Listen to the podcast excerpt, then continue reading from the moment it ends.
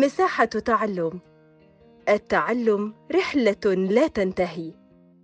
تحياتي لكم وحييكم أنا وحيد أحمد علي من منظمة كير بوسكات مصر وأقدم لكم منهج السوداني لمادة الرياضيات مع نهاية العام الدراسي 2021-2022 مراجعة سريعة لأبنائنا التلاميذ الذين سوف يجلسون لامتحان الشهادة بعد أيام قليلة والدرس التالي هو عن التحليل والمفكوك. أولا المفكوك الذي يسبب هاجسا كثيرا لبعض التلاميذ هو الخاصية التي درسناها في الصف السابق وهي خاصية توزيع الضرب على الجمع.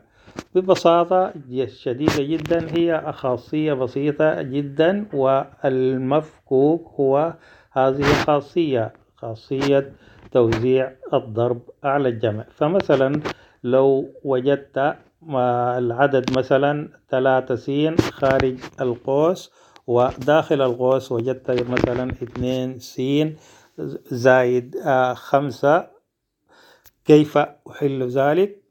بقوم بضرب العدد الخارج القوس فيما في داخل القوس في الحد الأول وفي الحد الثاني.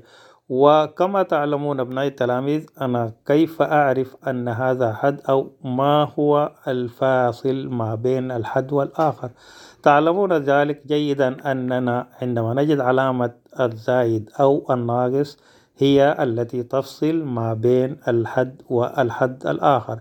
إذا أن الحد والحد الآخر بينهما إما علامة الزايد أو علامة الناقص.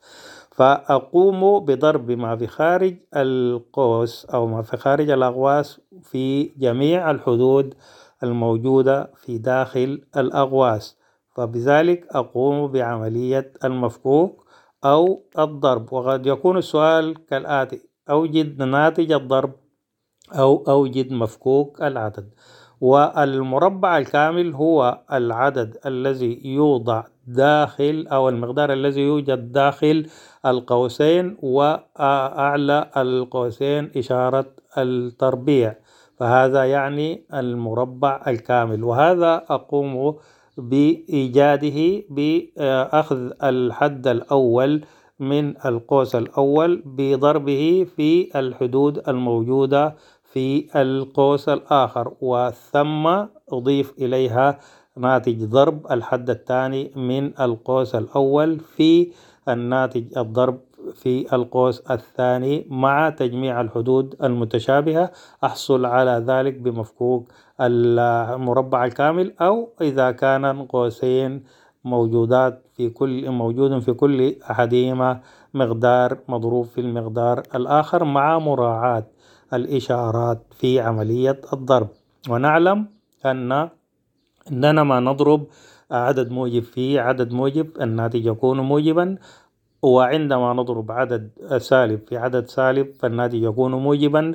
وعندما نضرب عدد موجب في عدد سالب يكون الناتج عدد سالب. فهذا هو المفكوك أو إيجاد حاصل ضرب العدد.